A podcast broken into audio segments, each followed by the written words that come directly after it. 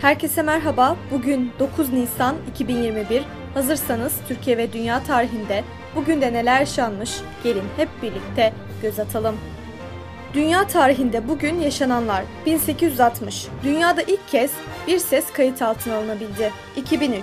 İran, ABD önderliğindeki koalisyon güçleri tarafından işgalinin başlamasından birkaç hafta sonra Bağdat düştü.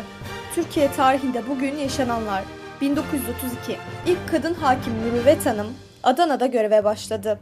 1945 Türkiye'de yerli ampul üretimi başladı.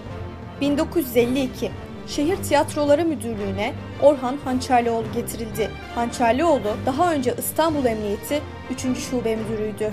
1979 Türkiye'de ilk kez bir hastanın kulağına kıkırdak nakli yapıldı. Bugün doğanlar 1802 Film fizikçi, filolog ve şair Elias Lönnrot dünyaya geldi. 1821 Fransız şair Charles Baudelaire doğdu.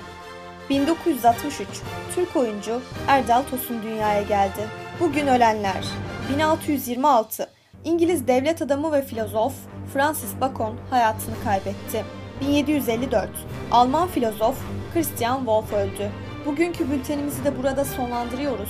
Programımızda tarihte gerçekleşen önemli olayları ele aldık. Yarın da tarihte neler olduğunu merak ediyorsanız bizi dinlemeyi unutmayın.